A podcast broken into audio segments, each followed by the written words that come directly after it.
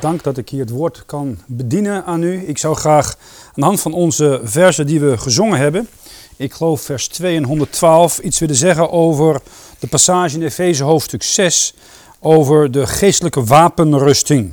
We hebben gesproken in, gezongen in vers 2 over het woord van God, heilig woord van God, trooster in ons lot.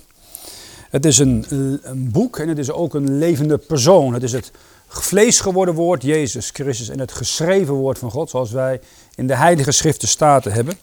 En in lied nummer 112 hebben we gezongen, Rijst op voor Jezus, gehelden van het kruis. Uh, tegenwoordig is dat een nieuw idee, dat komt uit Amerika. Je moet een held zijn. De samenleving zoekt naar helden. Maar ik geloof dat ieder die als uh, zondaar zich laat verzoenen met God en poogt Jezus Christus na te volgen, een soldaat van het kruis is. En dat is tegenwoordig misschien iets wat je zegt held, maar God noemt het gewoon een volgeling. En we zijn niet geroepen om helden te zijn, maar wel om uh, volgelingen van Jezus Christus te zijn. En vandaar, na van deze liederen wil ik graag het een en ander zeggen over Efeze hoofdstuk 6. Een bekende passage waarschijnlijk voor uh, enige van u. Het gaat over de geestelijke strijd waarin wij gekomen zijn nadat wij tot erkentenis der waarheid gekomen zijn uh, door het geloof aan Jezus Christus. En we lezen vanaf vers 10 tot en met vers 20. Efeze hoofdstuk 6. Voorts, mijn broeders, wordt krachtig in de Here en in de sterkte zijner macht. Doet aan de gehele wapenrusting Gods, opdat gij kunt staan tegen de listige omleidingen des duivels. Want we hebben de strijd niet tegen vlees en bloed, maar tegen de overheden, tegen de machten, tegen de geweldhebbers der wereld, der duisternis deze eeuw, tegen de geestelijke boosheden in de lucht. Daarom neemt aan de gehele wapenrusting Gods.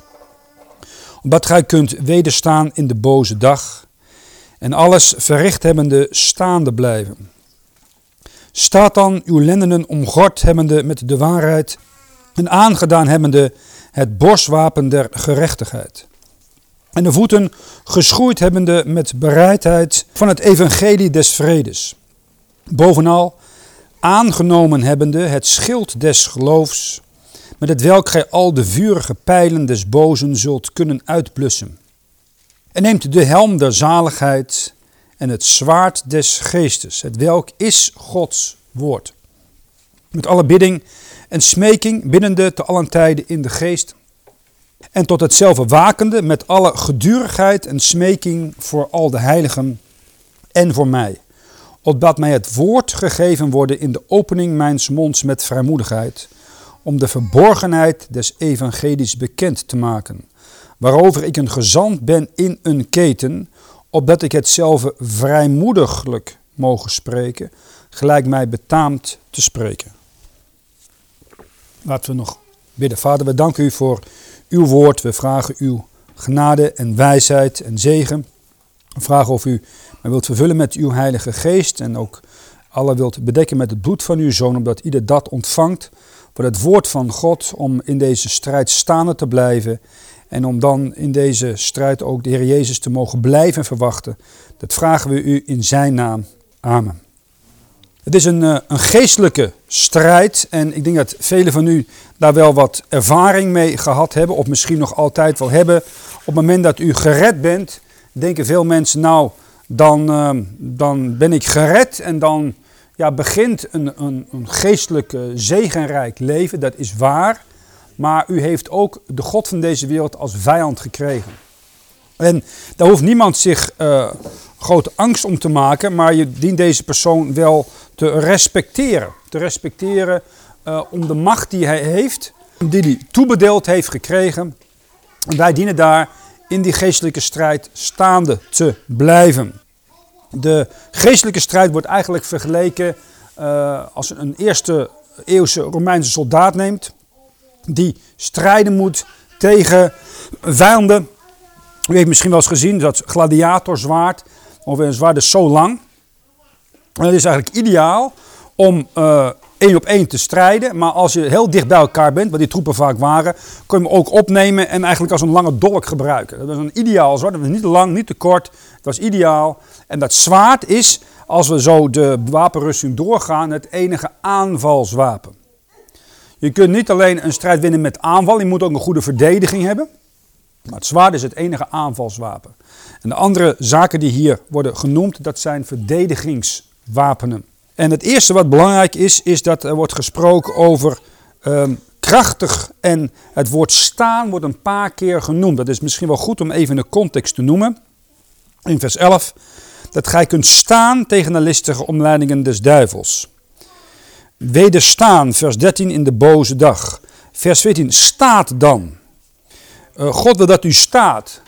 Uh, als je een gevecht hebt, of het nou met judo is, of met karate, of met box is, je moet nooit je rug naar je tegenstander omdraaien als je staat. Je moet hem altijd in het oog uh, tonen. Daarom wordt er ook niets genoemd van een bescherming om de rug. Een goede soldaat die staat, die ziet de vijand voor ogen. En een uh, lafaard die draait zich om, die rent weg. En dan word je vaak juist in de rug geschoten. Uh, soms zelfs door je eigen troepen. De mensen die bijvoorbeeld speciale troepen zijn, die gaan vaak mariniers voor de frontlinie. En het is niet ongebruikelijk dat zulke mensen door hun eigen mensen in de rug geschoten worden. Dus soms is het zo als je voorganger bent of zendeling bent, je gaat erg voor je eigen troepen uit, om maar zo te zeggen. Dan uh, zul je vaak zien dat je door je eigen mensen soms getroffen kan worden, onbegrepen wordt, of hoe je het ook noemt. Nu, het eerste punt is het woord staan. En het is belangrijk omdat in Efeze, eh, als u de tijd neemt om eens door te lezen, is er eigenlijk in drie delen onder te verdelen. De eerste hoofdstukken spreken over het zitten. We zijn gezeten in Christus. Ik geloof dat uh, met het punt van de doop, broeder uh, heeft hier het een en ander gesproken over. We zijn gezegend met alle geestelijke zegen in de hemelse gewesten. We zijn uh, gedoopt door de Heilige Geest in het lichaam van Christus. We hebben ontzettend veel geestelijke zegen ontvangen. Zoals een klein kind eigenlijk leert, moet leren te genieten van dat wat hij ontvangen heeft. Uh, in gezondheid, als ouders, als, liefde, bescherming, een gezin en dergelijke. Daar dient hij gewoon, uh, ja, dat is zijn fundament. Als hij dat niet heeft, kan het later ook gevolgen hebben voor zijn ontwikkeling, uh, zijn ziel of zijn, psychische ontwikkeling. Daarna, in Efeze hoofdstuk 4, 5, wordt er gesproken over wandelen. Bijvoorbeeld Efeze hoofdstuk eens even zien hoor. 4 vers 17. Dat ge niet meer wandelt gelijk als de andere heidenen. Uh, hoofdstuk uh, Efeze 5 vers 1. Zijt navolgers. Vers 2. Wandelt in de liefde. Dus nadat iemand als, als geestelijk kind geboren is en een, een geestelijk kind heeft liefde, bescherming, voedsel nodig, dan komt er een gezonde groei. Dan komt er een punt dat hij zelf wil gaan wandelen. En dan gaat hij zijn eerste stapjes maken.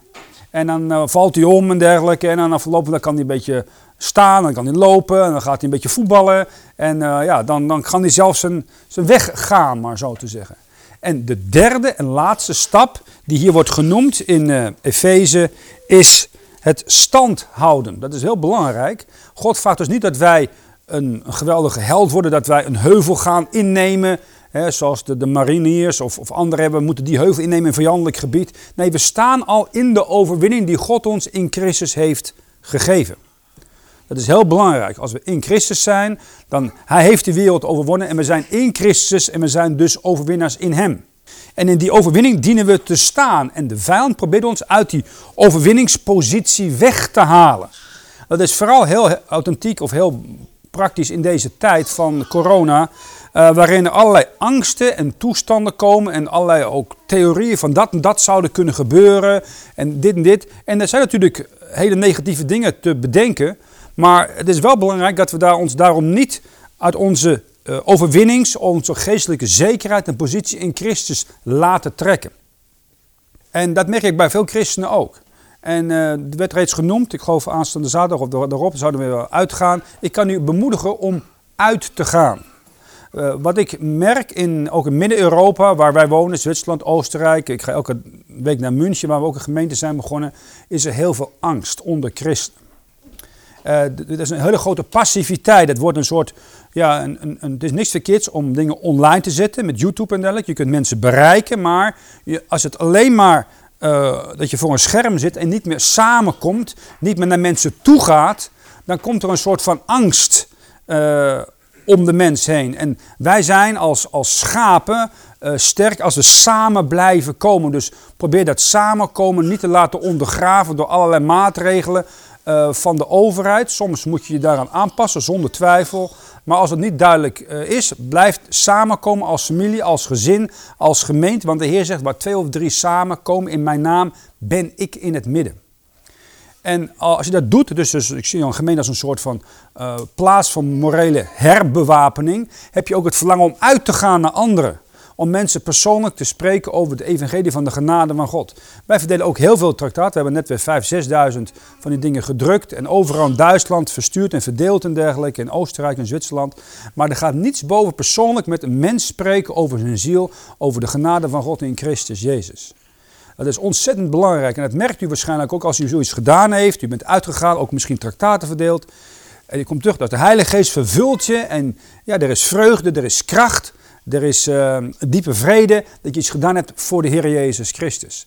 En dan wil ik u zeer op het hart drukken om daar proberen ook wat er eigenlijk nog gaat komen in de komende tijd aan allerlei verordeningen. Probeer samen te blijven komen. Probeer uit te blijven gaan om het evangelie van de genade van God aan mensen te geven. Mensen die wachten daar ook op. Uh, we zullen dat nog zo even bespreken met uh, vers 15. De voeten geschoeid hebbende met bereidheid van het evangelie des vredes. Dat is zo belangrijk dat wij als christenen bereid zijn mensen op hun ziel aan te spreken. En veel mensen wachten daarop. Dan zegt u misschien, ja, maar de Nederlanders zijn een beetje anders dan die Duitsers of de andere mensen daar. Maar er zijn ook in Nederland mensen die er wachten op dat iemand zorg toont voor hun ziel. Uh, heel veel mensen zijn vereenzaamd en uh, vol angst, vooral de ongelovigen. En die komen in alle verzweringstheorieën, want ze kennen niet, weten niet wat de schrift zegt. Er is geen zekerheid voor, van hun, ziel, van hun zielheil. Ze hebben geen heiland, ze hebben geen bescherming. Ze zijn eigenlijk overgeleverd aan de God van deze wereld. En uh, die wordt de koning van de terreur genoemd in het boek Job. De koning van de angst. En daar hebben wij ook een alternatief voor in de persoon van Jezus Christus, het evangelie van de genade van God. Nu, uh, in de Bijbel is de Heer een ware uh, krijgsman en hij zegt in 2 Timotheus hoofdstuk 2 vers 4 ook dat wij als christenen verdrukkingen dienen te leiden als een goed krijgsknecht van Jezus Christus. Vers 3 van 2 Timotheus 2 en dan vers 4. Niemand die in de krijg dient wordt ingewikkeld in de handelingen des leeftochts, opdat hij dien mogen behagen die hem tot de krijg aangenomen heeft. Dus als een soldaat, iemand zich als soldaat aanmeldt bij het Nederlands leger, tegenwoordig heb je een beroepsleger, hoef je geen zorgen te hebben, nou, wat krijg, ik morgen, moet ik, eten, krijg ik eten of drinken, heb ik wel voldoende kleding. Dat is een zaak die uh, de overheid of het leger voor zorg draagt als iemand zich aanmeldt. Dat is ook zo bij ieder van ons. Op het moment dat wij verzoend worden met God door geloof in Jezus Christus en Hij roept ons Hem na te volgen, is het helder dat God voor u zorgt als u voor Hem actief wordt en probeert Hem na te volgen, inclusief het evangelie van de genade van God uh, door te geven. Dat is verbonden met strijd. En de Bijbel zegt betreffende God, in Exodus 15, vers 3, de Heer is een krijgsman, Heer is zijn naam. Hij is een krijgsman. Hij is een soldaat. Hij gaat vooruit. In de Tweede Wereldoorlog was het zo dat de Duitse officieren hadden een relatief hoge uh, mate van verwondingen, omdat die Duitse officieren altijd voor hun mannen moesten vechten. De geallieerden en de Russische officieren stonden niet voor hun manschappen. De Duitsers wel. Dan zei men, nou, dat is een beetje dom van die Duitsers, want als de officieren neergeschoten worden, wat dan? Dan waren de reserveofficieren. Maar wat, niet, wat vergeten werd, is dat de hoogste zaak in een leger is de moraal. De, de kampgeist noemden de Duitsers dat, de, de, de, de strijdmoraal. En die wordt voor een heel groot deel bepaald door de voorganger of door de officier die vooruit gaat. En als die zegt, jongens, we gaan in de strijd. Jullie gaan maar en ik, uh, ik sta hier achter, ik, uh, ik, ik ondersteun je wel. Dat is niet hoe het moet. Een goede officier gaat als eerste in de strijd. Alexander de Grote was een van de beste, die ging altijd als eerste. En zijn mannen zijn hem tot in de dood gevolgd. En de hel gevolgd, helaas, maar een ander verhaal. Uh, wij hebben als Jezus Christus een rechtse krijgsman. En hij is als eerste naar het kruis gegaan. Hij is opgestaan. Hij gaat voor ons uit. En als wij bidden, kun je ervan op aan dat de Heer door zijn geest reeds mensen of situaties voorbereid heeft. Een tijdje geleden, uh, was vorige maand, uh, mochten we preken. Dat is dan per een, een, uh, zo'n Zoom-idee in een, in een groep in Waziristan, dat is waar de Taliban begonnen zijn. En, en een van de jongens die we daar ondersteunen, jullie ondersteunen die jongens trouwens ook. ik zal zijn naam hier niet noemen, ik neem moeder Paul. die zei van nou, wil je dan een preek houden? Ik vertaal in het Pashto, is in de Afghaanse taal, van Engels naar het Afghaans. Dus nou, dat is prima. Dus er was een groep en uh, mensen en ik zei op een gegeven moment tegen hem, nou, het begonnen, hoeveel uh, ongelovigen zijn er na? Zei een stuk of dertig. Dus, nou ja, goed dat je het weet. Dus ik heb een kerstboodschap over het evangelie gepreekt. En met een uitnodiging aan het eind. En gebeden. En toen, nou, het was afgelopen. En ik zei hem over een paar weken, toen ik hem weer sprak, zei hoe, hoe is het eigenlijk gegaan? Nou, zei, er zijn 27 mensen tot geloof gekomen in Jezus Christus. met moslimachtergrond. En die stellen niet een hand opsteken en zo, maar die zijn tot geloof gekomen. We komen later tot hem, eh, tot broeder Paul, zegt, mogen een nieuw testament hebben. We konden, ook met jullie hulp wil ik nog even toegeven, 2000 nieuwe testamenten drukken. Voor kerst. Uh, dat is uh, geweldig uh, mogelijkheid, maar heel veel imaans komen daar naar hem toe en naar christen toe met kerst, dat is een, een, christelijk feest. En die worden dan uitgenodigd als een eregast en dan krijgen ze een geschenk, een heilig boek van de christenen. Dat is een nieuw testament, dus hetzelfde tekst als jullie Statenbijbel. Het is de eerste keer dat zoiets gedrukt is daar, we hebben dat zelf gemaakt. En dat krijgen ze dan, en dat wordt dan ook gelezen door die mensen. Het is een, heel anders dan bij ons. Bij ons zeggen ze van, nou, dit is een bijbeltje. Dus ja, ik heb eigenlijk al een bijbeltje thuis. Maar daar zeggen ze, dat is het woord van God. Ook moslims, die nemen dat en die gaan dat dan lezen. Prachtig om te zien. Nogmaals, uh, of ik het vergeet, hartelijk dank voor jullie ondersteuning, voor gebed en met financiën voor het verschaffen van, uh, als gedeelte ervan, 2000 nieuwe testamenten, plus nog eens een keer 10.000 chick-traktaten die we ook daar konden drukken uh, de afgelopen maand. En hoeveel mensen daardoor tot geloof gekomen zijn, weet ik niet. Ik weet alleen van deze 27 mensen. Maar in ieder geval, je ziet die mensen daar, die komen daar, die zijn zoekende. En dat is in Nederland precies hetzelfde. Je weet niet welke mensen zoekende zijn of welke mensen misschien uh, aan het eind van hun Latijn zijn. Neem de tijd om die, die dingen te verdelen. Ja, een paar jaar geleden was er een collega van mij, en dat is ook een voorganger, en die gaat een broeder bezocht. Die werd gevraagd om daar te preken. Toen zeiden ze, nou tussen diensten, nou laten we even ja, mensen gaan bezoeken om traktaten te verdelen en aan te kloppen om het evangelie te verkondigen. Dus ze klopten ergens aan, sommigen deden open, sommigen niet. Dan lieten ze een paar traktaatjes achter. En uh, op een gegeven moment toen waren ze bij een deur en ze hebben er aangeklopt en niemand deed open. Dat gebeurde wel meer. Allerlei redenen hebben, ze wilden niet spreken, ze zijn niet thuis. Dus ze gingen verder en na een half uur zijn ze in de auto gestapt en gingen ze terug de radio aangedaan. Er was een programma waar, christenen konden inbellen uh, als ze ja, een bijzondere ervaring hadden, een getuigenis hadden. Dus ze waren in die auto en op een gegeven moment uh, in het programma roept er iemand, uh, belt er iemand in en die zegt, ja ik ben zo en zo en zo, ik woon daar en daar. Toen zeiden die, die twee, hé, hey, dat, is, dat zijn we net geweest daar in die buurt, in dat plaatsje in die buurt. Ja, zegt hij, ja, um, ik was aan het einde van mijn Latijn. Het was zo erg, uh, mijn vrouw had me verlaten, een, drugs en dergelijke. Ik wilde mijn leven beroven, dus ik had een stoel gepakt, was daar gaan staan, ik had een touw gemaakt. En ik dacht, dit is het. En er wordt gebeld. Ja, nou, kan dat dan zijn? Nou, zegt hij, ik heb wel gehad met dit, er wordt nog een keer gebeld. Ik zeg, nou, nou toch, ja, goed, ik kan altijd springen, zegt hij.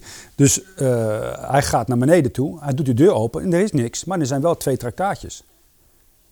Hij dacht, nou, ja, ik kan ze net zo goed lezen. Ik bedoel, uh, of ik nu of, over een minuut uh, opknop, dat maakt niet zoveel uit. Dus hij leest die traktaatjes en drie keer raden. Dan komt de geloof in Jezus Christus. Doet die traktaat, door die radio aan, hoort het programma je kan inbellen voor een getuigenis. Hij belt op en geeft een getuigenis en zegt, nou, ik wil wie het ook was hartelijk bedanken. Uh, ik was aan het eind van mijn Latijn en ik heb die traktaten gevonden. Dat is net wat ik nodig had. Dat is de Heer Jezus Christus die voor mijn zonde... Ik heb mijn leven helemaal vergooid, maar hij heeft me verge vergeven. Ik heb uiteindelijk een vrede met God. Ik ben zo blij. Ik wil de Heer danken. En die twee zitten daar in die auto. Die hadden heel veel mensen gehad die deur dicht gegooid hadden, wilden niet spreken. Je weet hoe Nederlanders ook zijn ongeveer. Dus hetzelfde vooral hier waarschijnlijk in Apeldoorn. Willen er niks van weten. Maar je weet nooit, als je die traktaatjes verdeelt, wat voor mensen er achter die deur zitten. Wat voor hopeloosheid daar is. En als je die tijd neemt, het is heel belangrijk om te, ik vind om te zeggen. Uh, toen de tijd in de 16e eeuw had je meer dan 50.000 Nederlanders die hun leven hebben gelaten uh, voor de waarheid, voor het woord van God. Op beschuldige manier zijn ze afgeslacht door de kerk van Rome en Inquisitie. Nu is het heel belangrijk dat je zelf zegt, weet je wat, ik ga van die 24 maal 7 uur, ik neem 2 uur, misschien per week. En ik neem tijd om een paar traktaten te verdelen, om misschien een paar mensen te bezoeken. En ik zeg tegen de Heer, Heer, leidt u me maar. Waar wilt u dat ik naartoe ga? En als u dat dus gaat, die tijd neemt, gewoon ter beschikking zijn. En laat leiden door waar de Heer naartoe wil leiden, dan zult u uh, verrast worden waar de Heer u naartoe leidt. Laat er mensen zijn die zoekende zijn en die erop wachten dat er een ander is die tot die persoon komt. Is het aan u om gewoon iets te vertellen. U kunt uw persoonlijke getuigenis geven.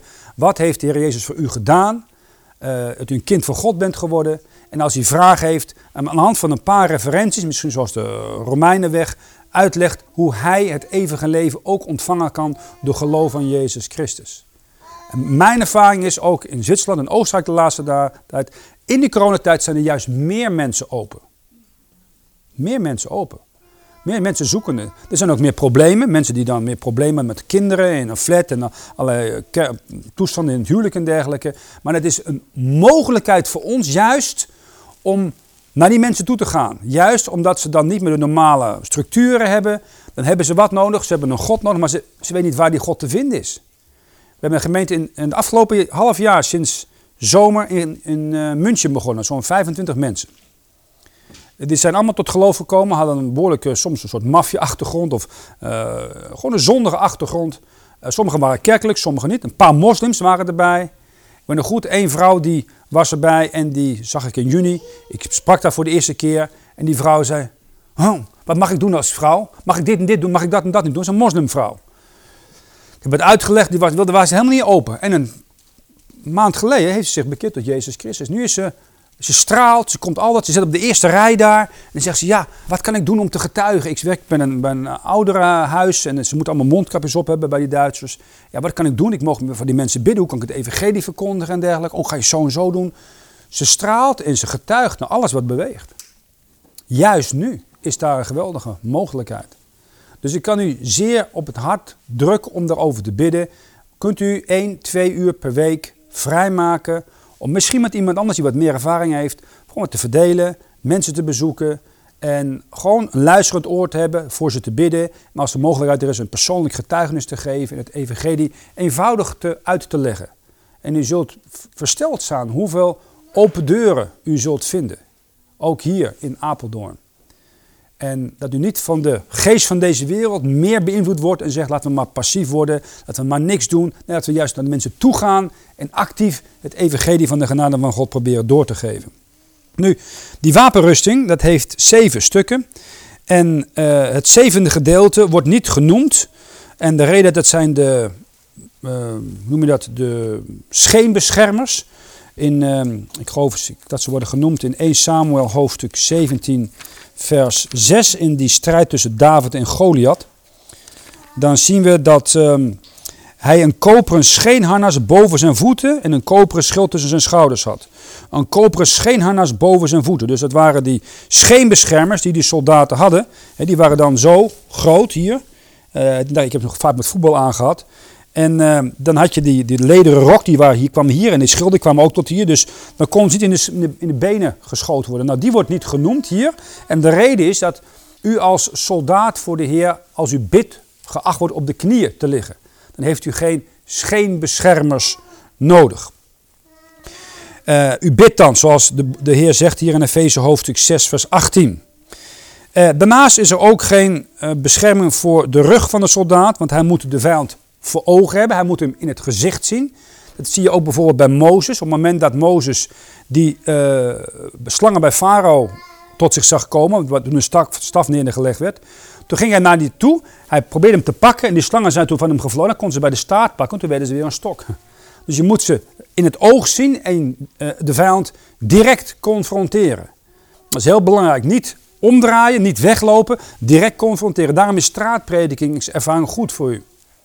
Je hoeft niet eens te preken, je staat daar voor de Heer. En mensen hebben lopen te zeuren, lopen te klagen en zo. Je moet ze direct confronteren met het evangelie en het woord van God. En dan zie je de kracht van dit boek. En zo zult u ook heel snel mensenvrees overwinnen.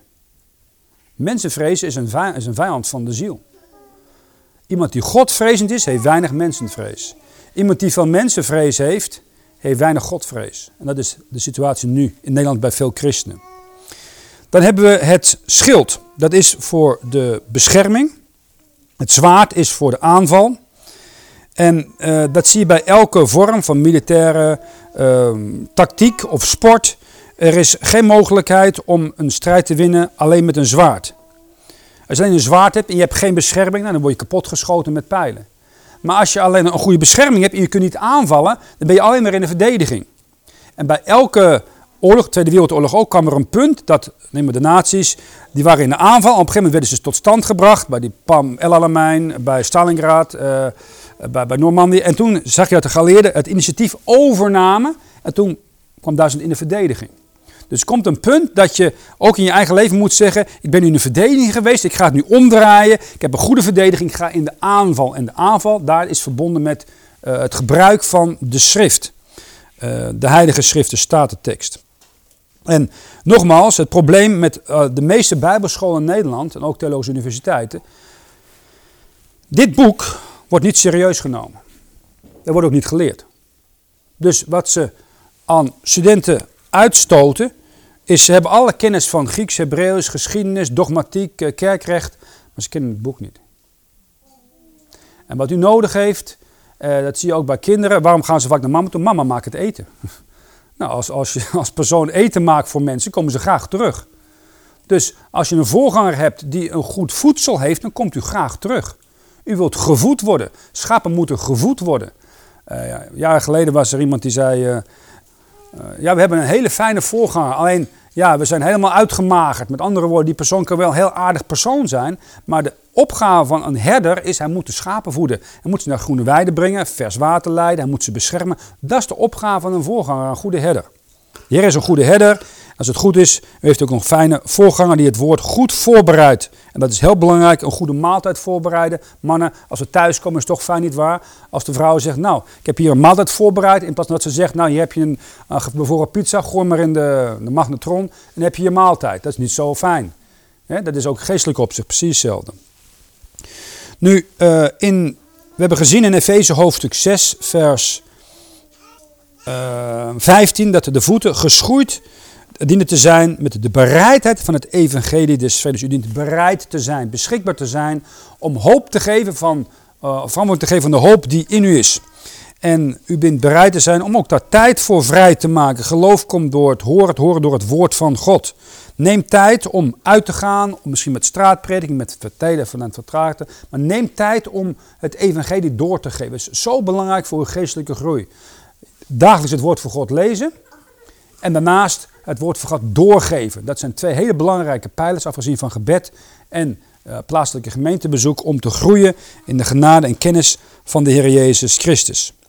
Nou, u natuurlijk een helm, de helm der zaligheid hebben, vers 17. We hebben net gehoord vanochtend het belang van de geestesdoop. Er zijn zeven verschillende dopen en de geestesdoop is de belangrijkste. Die heeft reddende werking, de andere niet. Dit is de enige met reddende werking. En dat is belangrijk dat u weet, ik ben een kind van God. En op grond van die zekerheid kan ik ook gaan groeien en kan ik ook anderen iets doorgaan geven.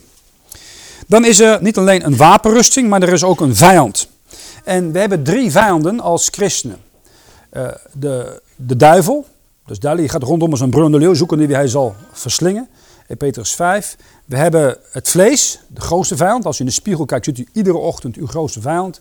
En ten derde de wereld dit wereldsysteem. En al wat in de wereld is, de begeerte de ogen, het begeerte des vlees en hoogwaardig leven. Dat zijn zaken die een christen verleiden om zich daar door dat wereldsysteem van de Heer of van de juiste weg weg te laten trekken.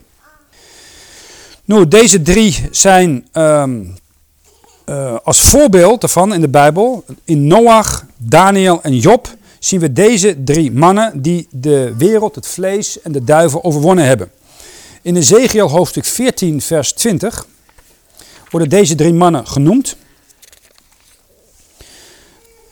We lezen daar of schoon Noach, Daniel en Job in het midden van hetzelfde waren, zo waarachtig als ik leef, spreekt de Heere, Heere, zo zij een zoon of zou zij een dochter zouden bevrijden, zou zouden alleen hun ziel door hun gerechtigheid bevrijden. Door hun gerechtigheid, dat is het Oude Testament. Je moest werken doen, dat is een belangrijk onderdeel van je redding. Geloof plus werken. Nou, deze drie die zullen alleen zichzelf kunnen redden. En het gaat hier over het oordeel van God. Uh, als het gaat om het eigen volk. Maar deze drie staan voor de drie vijanden van ons, die we net genoemd hebben. Uh, we hebben Job genoemd. Job is degene die de duivel direct uh, ontmoet. Hij wordt beproefd, 42 hoofdstukken, zoals de, het overblijfsel van de Joden 42 maanden in de grote verdrukking zal beproefd worden door de duivel. En dat is Behemoth, Leviathan, de grote draak in openbaring 12 vers 9. Dat wezen wordt in twee hoofdstukken in Job beschreven. En Job wederstaat deze en heeft een overwinning gehaald op dit wezen. En we hebben geen kans tegen hem te strijden als in de macht van de Heer. Ons te vernederen en de Heer daarin te laten strijden, het bloed te beaanspraken en bovenal het woord van God daarin te gebruiken. Zoals de Heer drie keer zegt bij de verzoeking in de woestijn, er staat geschreven. Dan hebben we de tweede persoon, uh, Noach. Noach is de man die de wereld overwint. Er was geen regen geweest uh, tot de zonvloed kwam. Hij preekt 120 jaar over een oordeel van God met water, dus nooit een druppeltje regen gevallen. En 120 jaar heeft hij een gemeente van zeven man, in zichzelf acht. Zijn vrouw, zijn drie zonen en zijn drie schoondochters. Hij heeft een geweldige boot gebouwd. De Ararat gevonden. Uh, u kunt het op YouTube eens nakijken. Uh, en uh, ja, de mensen hebben hem voor gek verklaard. Totdat al die onreine dieren, die reine dieren komen. Hij gaat in de ark en God doet de deur achter hem dicht. En dan komt het eerste regenspatje. En dan komt er een vloed die een paar kilometer hoog geweest is. Als, het, als de Himalaya reeds zo hoog was als nu, is die vloed 10, meer dan 10 kilometer hoog geweest over deze aarde.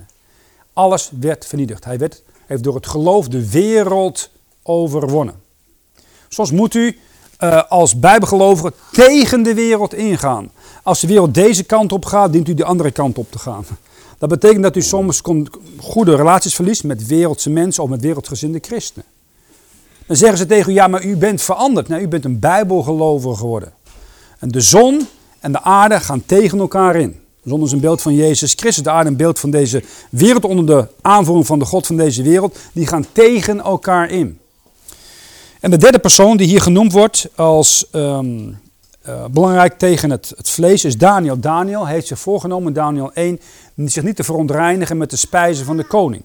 Geen vlees uh, te eten en geen wijn te drinken, maar uh, groente te eten en water te drinken. En dan ziet hij er na tien dagen veel beter uit dan die anderen.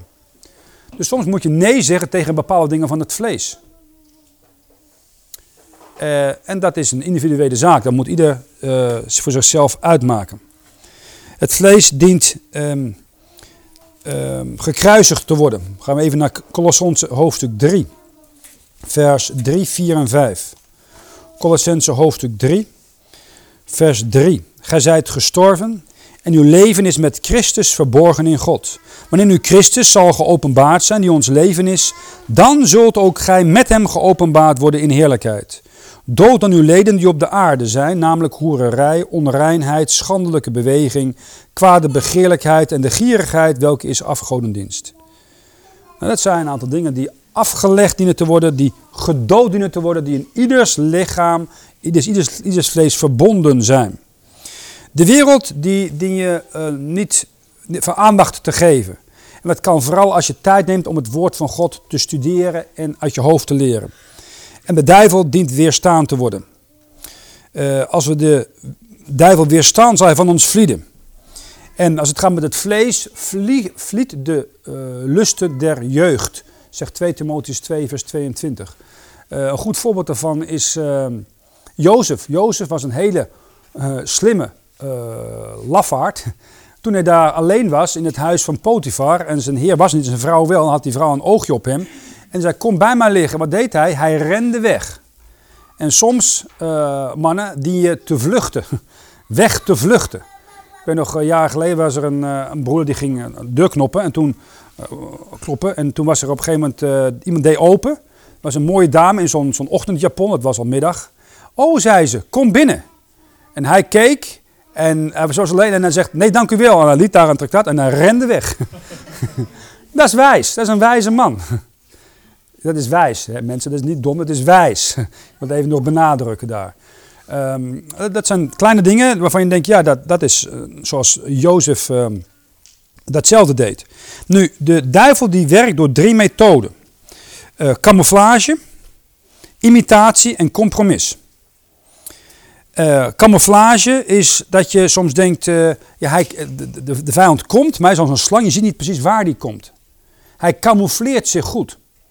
En dat is, nou, dat zie je bijvoorbeeld bij Mohammed kreeg een bezoek van de engel, Gabriel geloof ik. Joe Smith, de grondlegger van de Mormon, kreeg ook een bezoek van de engel Moroni. Dat zijn, die komen als een engel des lichts. De duivel verschijnt als een engel des lichts. Het lijkt heel mooi. Maar als dingen gezegd worden tegen het woord van God, is het niet van God. Je hebt heel veel kerken heden ten dagen, waar de voorganger een geweldige volksmenner is. Hij kan prima spreken, dat heeft hij geleerd, zijn van de speciale cursussen die je dan kan volgen daarvoor. Maar als het erin gaat tegen de schrift, kan de vijand zijn die zich camoufleert. Het beste voorbeeld is het Urbi et Orbi. Dat is een groot gevaar. Want de Bijbel zegt, nooit, Jezus heeft nooit gebeden voor de stad, Rome of de wereld. Hij zegt in Johannes 17, ik bid niet voor deze wereld. Wat doet die clown uit Argentinië? Die bidt voor de wereld. En die bidt voor Rome. Terwijl de Bijbel zegt, een vervloekte stad, in openbaar 17, is die, uh, die stad is op zeven heuvels gebouwd en dronken van het bloed van de heiligen en het bloed van de getuigen van Jezus. Die stad is verantwoordelijk voor de Tweede Wereldoorlog, uh, voor 50.000 christenen die hier afgeslacht zijn in de 16e eeuw, voor het rampjaar 1672, voor de bezetting van de onder Napoleon van 20 jaar en voor de katholieke Oostenrijker Hitler die hier vijf jaar Nederland heeft geplunderd. En Noord is geëxcommuniceerd door zijn kerk, waarvan deze persoon het hoofd is. Dat is camouflage. Imitatie. Een tweede probleem. Uh, heel veel mensen denken, ja, um, we hebben, God heeft een gemeente, maar de vijand heeft ook een gemeente. God heeft een Bijbel, de schrift, de heilige schrift. De vijand heeft ook een Bijbel. Vraag me aan de Jehovah-getuigen, vraag me aan de katholieke kerk, ik weet die broodbijbel. Vraag me aan de NBV of de Voorhoevenvertekst of de Groot Nieuws. Hebben dezelfde grondtekst, waar 2000 woorden uit het Nieuwe Testament gehaald zijn, als een Jehovah-getuige een broodtekst. Imitatie. Imitatie Bijbel. Imitatie Christus. In uh, Lucas wordt geschreven, dat is Gods Christus die geboren is. De duivel heeft ook een Christus, een gezalfde. Hij was een gerub, hij was een gezalfde gerub, zegt Ezekiel 28. En hij zal komen als mens na de opname als de antichrist. Hij is een mens met een nummer. 666. Een valse Christus, een valse Bijbel, een, een valse stad, Rome in plaats van Jeruzalem. En dan heb je nog het, woord, het punt van compromis. Dat is het allergrootste probleem, het compromis. Mensen heden ten dagen als christenen vallen meestal door compromissen. Ach, één, keer is niet zo erg, één keer zondigen. Iedereen doet het toch? Al die andere christenen doen dat ook. Zo wordt er vaak gedacht. En de vraag is uiteindelijk, wat wil de Heer dat u doet of niet doet? Op grond van wat hij zegt. Het compromis, uh, daar wil ik toch iets over zeggen. Als het gaat om uh, uh, hoe de vijand in de laatste dagen werkt. het gaat vaak zo, en het heeft al wat van doen met dit woord van God. Dat is het allerbelangrijkste boek wat u heeft. Nogmaals, voor dit boek hebben tienduizenden Nederlanders hun leven gegeven. Is dit land vaak aangevallen worden door de kerk van Rome. En uh, nogmaals, Rome heeft geen uh, tegenreformatie uh, opgehouden. Het, vaak, het gaat vaak zo als het gaat om afval. Afval begint altijd met het in vraag stellen van de woorden van God. Ja, heeft God werkelijk gezegd, zei de duivel al reeds in Genesis 3 tegen Eva. We lezen in Romeinen hoofdstuk 1 die volgorde van afval. We zullen dat niet in detail bespreken, maar het woord waarheid is belangrijk. Uw woord is de waarheid, weten dat de Heer zegt in Johannes hoofdstuk 17. We lezen in Romeinen hoofdstuk 1 vers 18. De toorn van God wordt geopenbaard van de hemel over alle goddeloosheid en ongerechtigheid der mensen. Als die de waarheid in ongerechtigheid ten onder houden. Dus ze hebben die waarheid wel, maar ze houden hun ongerechtigheid ten onder. Dat is wat heel veel gebeurt ten dagen ook met dit boek in Nederlandse gemeenten. Vers 25. Als die de waarheid van God veranderd hebben in de leugen. Dus je neemt het boek en je gaat het in een leugen veranderen. Dus je zegt nou, De drie eenheid, die, die strepen we eruit naar 1 Johannes 5, vers 7. Uh, Johannes 7, vers 8. Het woordje, Jezus ging nog niet op naar Jeruzalem. Het woordje nog wordt eruit gestreept. Dan maken we een leugenaar van Jezus Christus. En Marcus 1, vers 2, het woord de profeten maken we van Jezaja de profeet. Want anders is er verwijzing naar Malachi waarin aangeduid wordt dat Jezus God geopenbaard in het vlees is. Zijn kleine dingen die leugens uiteindelijk in de nieuwe Bijbels neerzetten. En dat is, heeft tot gevolg, vers 25, dat het schepsel wordt geëerd en gediend boven de schepper. Dat zie je overal gebeuren. Het is veel belangrijker een nieuw plantje of uh, een, nieuw, een nieuw klimaattoestand als dat uh, zorg wordt gedragen voor de mensen in het land. Zeker voor een geestelijke gezondheid. En dan zien we uiteindelijk in vers 29, 30, 31 en 32 dat er allerlei zonden hier gelegaliseerd worden, inclusieve seksperversie. Waar Nederland helaas vaak een van de eerste landen in is. Dat is een oordeel van God, een gevolg van afval. Het begint bij de christenen, niet bij ongelovigen. De ongelovigen kunnen niet afvallen, die zijn sowieso verloren. En het begaat vaak in de hogescholen, bijbelschool, theologische faculteiten, van de protestanten, evangelische groepen. Het gaat zo. Ja, ik geloof dat de Staten, de Heilige Schrift, het woord van God is, van begin tot het einde, met uitzondering van de hoofdstuk en de versmarkeringen. Dat was natuurlijk niet in het origineel. Daar begint het mee. Dan zeg ik, nou, dat geloof ik niet. En Genesis hoofdstuk 5, 5 is het getal van de dood, zie je het geslachtregister van Adam. Het eindigt dat ieder mens geboren wordt en sterft. In Handelingen hoofdstuk 5, vers 5, de eerste mens die sterft als christen, Ananias en Sapphira, wegen hun huigelachtigheid. Romeinen hoofdstuk 5, het hele gedeelte dat de eerste, in de eerste adem is de dood, in de tweede adem is het leven te vinden. Openbaring 13, 13 is het getal van de rebellie. 18, 3 x 6, het getal van een mens 666, de valse Christus.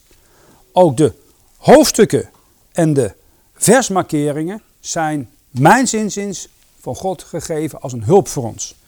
Dan de tweede stap begint, als men zegt, ja, ik geloof dat uh, dit boek is de, het woord van God, van aanvang tot einde, met uitzondering ja, van die punten en die komma's. Ja, die worden natuurlijk door die statenvertalers erin gezet. Dat moet je natuurlijk niet helemaal letterlijk nemen, het was allemaal niet in het Grieks. Nou, neem ik een paar voorbeelden waarom het zo belangrijk is om een komma of een punt ook uh, ernst te nemen. Lucas hoofdstuk 1 vers 31. Wat vaak wordt genoemd bij de kerstprediking. Lucas 1, vers 31. En zie, gij zult bevrucht worden en een zoon baren en gij zult zijn naam heten Jezus. Is gebeurd. Deze zal groot zijn en de zoon des Allerhoogsten genaamd worden. Punt, komma, midden in het vers. Hoezo moet dan punt, komma staan? Maar dat is reeds in vervulling gegaan. Vers 2, het eerste gedeelte van vers 32. Hij wordt zoon van de Allerhoogste genoemd. En God de Heere zal hem de troon zijn vaders David geven. Is dat al, al in vervulling gegaan? Nee. Dat is 2000 jaar verschil. Dus die punt, komma, geeft een 2000 jaar spatie tussen de eerste komst en de tweede komst van Jezus Christus. Uh, tweede voorbeeld in Jezaja hoofdstuk 9. Vers 6 en vers 7.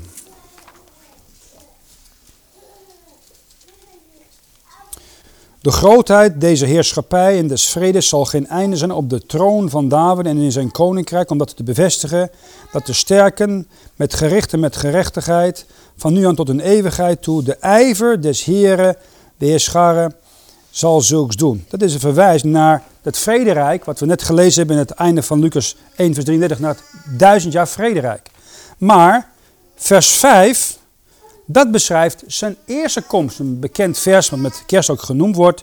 Een kind is ons geboren, een zoon is ons gegeven en de heerschappij is op zijn schouder. En men noemt zijn naam wonderlijk, raad, sterke God, vader de eeuwigheid, vredevorst. Punt, komma. Waarom die punt, komma? Het vers 5 gaat over zijn eerste, vers 6 over zijn tweede komst. Ik geloof dat ook dat heel belangrijk is. Dan de derde uh, stap en afval. Ja, ik geloof dat de Heilige Schrift is de beste vertaling. Maar er zijn ook andere goede vertalingen. HSV bijvoorbeeld, of een andere vertaling. Is dat werkelijk zo? Elk woord is van God ingegeven. In Handelingen hoofdstuk 2 vers 27 lezen we dat de ziel van de Heer ging naar de hel. Niet naar de haders of de dood. Dat is iets heel anders dan naar de hel. In Handelingen hoofdstuk 4 vers 27 is het een heilig kind Jezus. Sprekende van zijn godheid. De HSV maakte van knecht. Elk woordje is daarin belangrijk. Een vierde stap is dan, ja ik geloof dat de Heilige Schrift, de Staten wel betrouwbaar is. Maar er zijn ook andere betrouwbare vertalingen.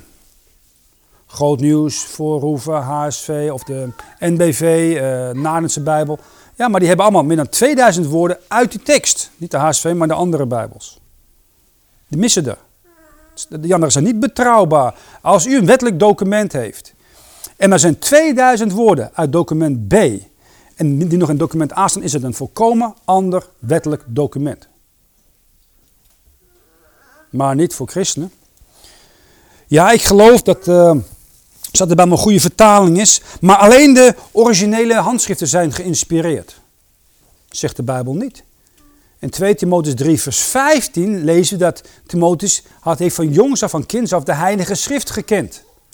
Dat zijn kopieën van kopieën van kopieën die hij in Klein-Azië had gelezen. Niet alleen originele, sterker nog, die originele manuscripten zijn nooit in één boek samengebracht. Alle originele manuscripten van Mozes, Jeremia, Ezekiel, Malachi, uh, Paulus, Johannes, Jacobus zijn nooit in één boek samengekomen.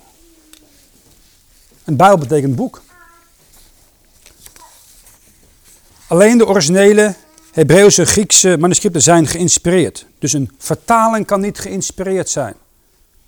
Nou, Jozef sprak in het Egyptisch en dat wat hij zei is in het Hebreeuws opgeschreven. Veel citaten uit het Oude Testament zijn in het Grieks en Nieuw Testament opgeschreven. Die zijn allemaal niet geïnspireerd. De originele kunnen fouten hebben. Dat is de volgende stap, wat je in alle moderne grote theologische universiteiten leert. De kopieën kunnen fouten hebben. En uiteindelijk kom je bij een punt, mijn mening is mijn rechter en naar mijn mening gaan wij, zegt de professor in de theologische universiteit. Hij is God. Dat is Laodicea, rechtende mensen. Wij gaan bepalen wat de woorden van God zijn. Wij willen zijn als God. Babylon. Dat is het doel van alle christelijke universiteiten uh, en uh, hogescholen. Zichzelf neerzetten als autoriteit boven, eerst naast en dan boven het boek met de woorden van God. Dat is de verzoeking van de vijand als je van die verboden vrucht neemt, dan zullen je ogen open gedaan worden en zul je zijn als God en kennen wat goed en boos is, slecht is. Het weet je treurig is in de laatste dagen? Dat Gods mensen, dat de christenen, geloven bijna alles met uitzondering van wat het boek zegt. Heb je gehoord wat zo en zo gezegd? Ik heb dat en dat boek gelezen. Ik heb YouTube dat en dat gezien. Ah, mooi. Wat zegt de Bijbel erover? Wat? Ja, dat weet ik niet. Heb je maar daarover nagedacht of gezocht? Nee, ook niet. Maar zo en zo zegt dat. En wat zegt God? Hoeveel tijd, misschien een idee voor het komende jaar 2021 als je aan goede voornemens doet. Neem tijd om dit boek één keer per jaar door te lezen. Drie hoofdstukken per dag. Als je meer tijd hebt, tien hoofdstukken per dag, ga je drie keer door dat boek heen. Dat is misschien een half uurtje. Zeg je, half uurtje? jongen, jongen. Hoeveel nou, lang zit je achter je iPhone dan? Of je laptop? Of je YouTube kanaal? Natuurlijk geen half uur. Hè? Nee, die tijd die zul je niet daaraan verspillen. Maar een half uurtje per dag aan het woord van God? Toch niet te veel gevraagd, nietwaar? Daarom vergelijkt de Heer ons met schapen. Schapen zijn niet de slimste dieren. De Pinkster charismatische mensen, die gaan naar hun gevoel. Ja, mijn gevoel zegt dit en dit. Ja, de Heer heeft dit op het hart gelegd en dit en dit te doen. Dat kan misschien ook zo zijn, maar wat zegt de schrift erover? Ja, dat weet ik eigenlijk niet. De moderne, moderne christelijke muziek heeft een, een, een jungle beat erin. Ja, dat is cool, dat het, het bevalt mij, het voelt goed. Het gaat erom of het bijbels is, of het de Heer verheerlijkt. Wat denkt de Heer daarvan? U zegt, ja, maar ik ben niet eens opnieuw geboren. Nou, dat is helemaal eenvoudig. Daar heb je niks van doen met deze geestelijke strijd, maar je bent nu onder de invloed van de God van deze wereld, die probeert om je weg te houden bij Jezus Christus. Alles wat je doet, er zijn twee soorten mensen in de hel. Mensen die heel goed zijn en die alles eraan doen om een heil te verdienen. Dat kunnen religieuze, fundamentalistische moslims, hindoes, orthodoxe, protestanten, baptisten zijn. Die, die, die, die, komen er wel. En je hebt mensen die niks geloven en volkomen goddeloos leven en die komen er ook. En de enige groep die niet in de hel komt is mensen die geloven alleen aan een persoon. Jezus Christus. Die op het kruis alles heeft gedaan, volkomen verbracht heeft, eens en voor eeuwig voor hun persoonlijke zondeschuld. Iemand die in hem gelooft, die heeft het eeuwige leven. Uiteindelijk wil ik zeggen, pas op voor de trots. Dat is een groot probleem in de laatste dagen. De vijand is de koning over alle trotse mensen. En we lezen in Spreuken, als laatste vers, ehm, hoofdstuk 6. Vers 16 en vers 17. Deze zes haat de Heer, ja zeven zijn zijn ziel een gruwel. Hoge ogen, een valse tong en handen die onschuldig bloed vergieten. Een hart dat ondeugdzame gedachten smeet, voeten die zich haasten om tot kwade te lopen. Een vals getuige die leugens blaast, die tussen broederen krakelen inwerpt. Hoge ogen, trots. Een valstrik van de vijand. Een van de redenen waarom een, een voorgaand bischop niet een hele jonge christen dient te zijn, omdat hij snel trots wordt op zijn positie. Niet in een, een, een dienst te groeien. Niet hem zo te ontvangen als een jonge christen. En nogmaals, het was Lucifer zelf voor zijn zondeval die trots werd op zijn eigen schoonheid. En op grond daarvan wilde zijn als God. En weet je wat Laodicea doet in de laatste dagen? Ze zijn trots op zichzelf. En ze zeggen dan in openbaring hoofdstuk 3 dat ze over, over een aantal dingen zo trots zijn tegenover de Heer. En de Heer vermaant ze dan en zegt dan, nou, er is eigenlijk geen reden om zo trots te zijn. Openbaring hoofdstuk 3, vers 17. Dan zegt deze gemeente, gij zegt, ik ben rijk en verrijk geworden, heb geen ding gebrek. Zo van, ik ben helemaal verzorgd, ik weet alles, ik heb alles, ik heb eigenlijk niets of niemand nodig. Wat zegt de Heer dan? Gij weet niet dat gij zijt ellendig en jammerlijk en arm en blind en naakt. Dat is hoe de Heer tegen dingen aankijkt. Wat voor de wereld belangrijk is, groot is, eh, dan zegt de Heer, dat is voor mij niets waard. Ik heb vaak gedacht, als, er zijn er weer verkiezingen in Amerika of in Nederland, wat is het, maart, april? Verkiezingen. Heel ander reproer, nou, om, om, ommekeer van Nederlandse politiek, hele toestand. Ik heb altijd wel gedacht dat de Engelsen naar beneden kijken en denken ze, oh, ze hebben weer verkiezingen. Nou, de laagste der mensen, die worden als uh, regering ingezet in Daniel. Het maakt niet zoveel uit wie uiteindelijk uh, de boel gaat regeren. Het maakt natuurlijk wel een beetje uit, maar niet heel veel uit. Want de, de, de richting is dat er deze, dit land gaat naar één wereldregering onder één valse Christus. Dat is de, de algemene tendens. Het kan kort even een dipje krijgen, maar dat is de tendens. Dat is wat de Bijbel zegt. We dienen voor onze overheid te bidden. Het is helemaal niet eh, goed om dat te doen. Verstem, begrijp me niet verkeerd. Maar dan denk ik, waar worden de engelen nou uh, enthousiast van? Als een van u iemand een traktaat geeft en die persoon bekeert zich. Dan is er gejuich van de, in de hemel van de engelen. En niet als er een van de president is die misschien naar uw keuzes, ik hoop het van harte, ik gun het u van harte. Maar de Bijbel zegt, heeft een heel andere zicht op wat God belangrijk vindt en wat wij als mensen belangrijk vinden.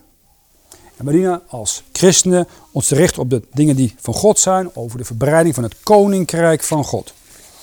Daarmee wil ik graag afsluiten. Laten we niet vergeten ook voor elkaar te bidden. Want het laatste wat in Efeze 6 wordt genoemd, is het belang van op de knieën voor elkaar te bidden. Zozeer zelfs dat Paulus vraagt voorbeden van de gemeente die hij zelf begonnen is in Efeze voor zijn dienst.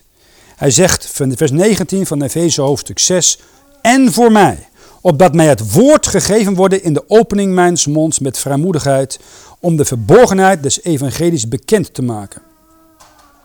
Dat ik het vrijmoediglijk mogen spreken. God heeft mannen nodig ook zusters natuurlijk, maar vooral voorgangers, die vrijmoedig het woord van God kunnen verkondigen. Want het geloof komt door het horen, horen door het woord van God. En het belangrijkste zijn de zielen van mensen. Dat is het belangrijkste. En als één keer gaat redding gekomen zijn, dat we als gemeente de Heer kunnen dienen, samen kunnen komen en uit kunnen gaan als een getuigenis, als een licht voor een donkere wereld. Wij hebben het antwoord. Jezus Christus is het antwoord. Hij is de weg, de waarheid in het leven. Hij heeft ons gered. We hebben zoveel ontvangen. We het niet voor onszelf houden, maar in Gods genade nog doorgeven en daarin trouw zijn. Misschien wel het laatste jaar op aarde in 2021, totdat Jezus komt en uw naam hoort en hij zegt, kom naar mij, kom mij tegemoet in de lucht. En dan zijn we daar, dan kunnen we rusten. En tot dat moment dienen we in die strijd te staan en de goede strijd te strijden. Misschien ook een idee om af te sluiten, ik weet dat het niet bekend is, voorwaarts Christen strijders. Dat is misschien een, een goed vers als een bemoediging om die strijd door te strijden totdat de Heer Jezus komt. En dan kunnen we bij Hem onze rust vinden.